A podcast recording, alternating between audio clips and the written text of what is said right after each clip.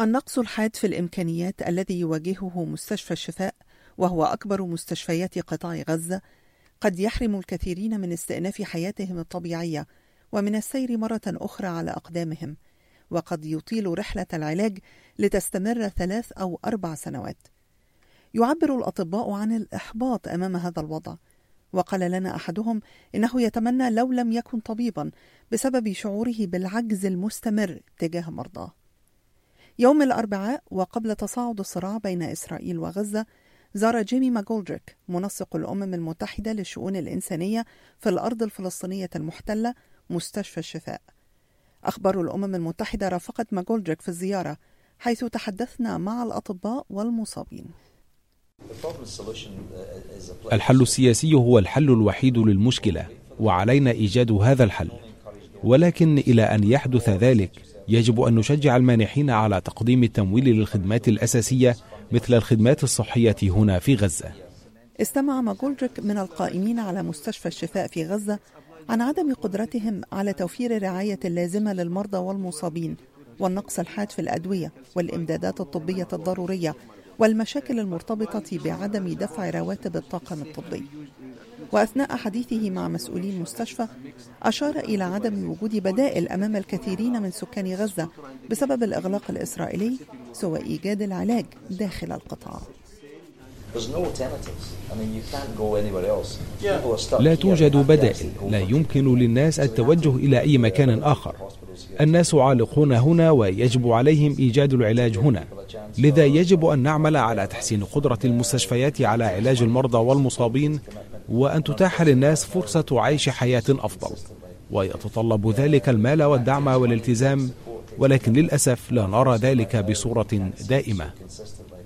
محمود الذي يملك محل بقالة أصيب أثناء مشاركته في مسيرة العودة الكبرى. أنا مصاب بقلق نيرو متفجر عندي 14 سنة عجز بالعظم أنت أصبت في المظاهرات؟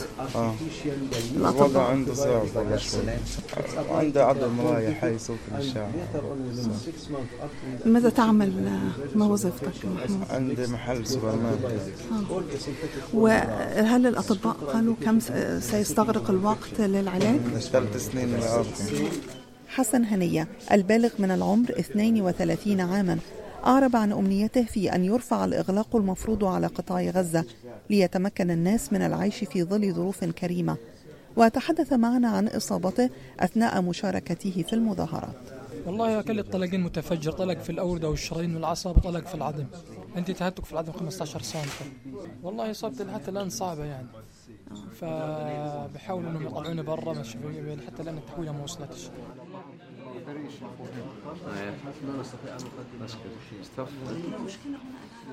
دكتور محمود مطر أحد كبار الأطباء بمستشفى الشفاء تحدث معنا عن قلة الإمكانيات في المستشفى وقال إن أسوأ ما يشعر به الطبيب هو عدم القدرة على تقديم ما يلزم لإنقاذ حياة المريض.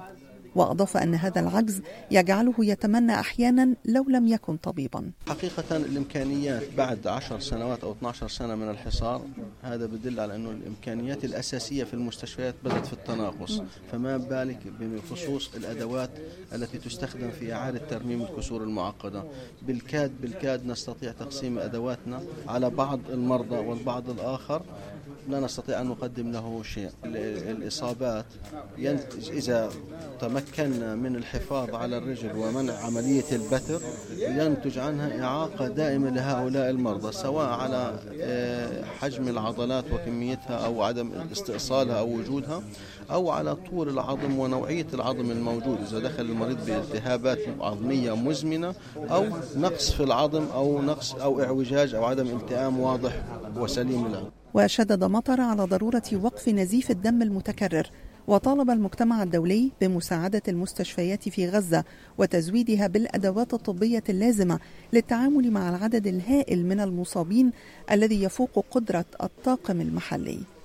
الدكتور مدحت عباس مدير مستشفى الشفاء شدد على ضرورة دعم المستشفى لتتمكن من الوفاء باحتياجات المرضى والمصابين وقال إنه يعمل في مجال الطب منذ 30 عاما ولم يرى في حياته مستشفى لا يستطيع تقديم الغذاء الضروري للتعافي للمرضى. وقال إن المرضى يضطرون إلى المبيت في أروقة المستشفى بسبب عدم وجود أسرة كافية. من شهر مايو نحن لا نستطيع في المستشفيات الفلسطينية تقديم الغذاء وأيضا هنالك نقص شديد في الرواتب وهنالك أيضا مشكلة كبيرة في عملية ال ال ال الأدوية والمستهلكات الطبية ومستهلكات المختبر وقطع الغيار الأجهزة. آه، هنالك أيضا نقص شديد في عدد الأسرة اللازم لاستقبال المرضى. حاليا يعني بشكل يومي تقريبا يوجد آه، لدينا مرضى يباتون في الممرات لأنه لا يوجد غرف تتسع لاستقبالهم. آه، أيضا آه، آه، يوجد مشكلة كبيرة في وجود عدد كبير من المتطوعين لا نملك ما ندفعه لهم من أجل حتى تغطية ثمن المواصلات. وبالتالي المشكلة ما زالت قائمة حتى الآن. تحسنت الكهرباء بشكل ملحوظ لا ينكره أحد. أزمة الرواتب ما زالت تعصف بالموظفين كلهم سواء كانوا موظفي غزة أو موظفي السلطة الفلسطينية في قطاع غزة. فمجموعة تتقاضى 40% ومجموعة تتقاضى 50% وفي مجموعة من كبيرة من المتطوعين لا يتقاضون شيئا. الأمر صعب جدا. محمود ظاهر ممثل منظمة الصحة العالمية في قطاع غزة قال إن أكثر من 50% من الحالات التي تحتاج إلى إحالة طبية خارج القطاع لا تحصل على التصاريح المطلوبة لذلك. قطاع غزة يمر منذ أكثر من عشر أعوام في مرحلة صعبة جدا. تتضمن الحصار وتدهور المحددات الاجتماعية للصحة ازدياد حالة الفقر والبطالة بالإضافة إلى التدميرات الحاصلة في القطاع الصحي من ناحية الإنشاءات والبنى التحتية. هناك حاجة كبيرة جدا في قطاع غزة إلى إخراج العديد من المرضى من قطاع غزة من أجل الحصول على العلاج خارج قطاع غزة. كل عام يطلب أكثر من 24 ألف شخص في قطاع غزة تصاريح للخروج لتلقي العلاج خارج قطاع غزة بسبب عدم وجود الإمكانيات. ويتوجه معظم من تتاح لهم فرص العلاج خارج غزة إلى مستشفيات في القدس والأردن ومصر. وفي حوار مع جيمي ماجولدريك منسق الأمم المتحدة للشؤون الإنسانية في الأرض الفلسطينية المحتلة قال إن القطاع الصحي يعاني من شح حاد في التمويل منذ سنوات. وذكر أن الإغلاق المفروض من إسرائيل على غزة منذ 12 عاما يحول دون دخول السلع والإمدادات والأدوية الأساسية.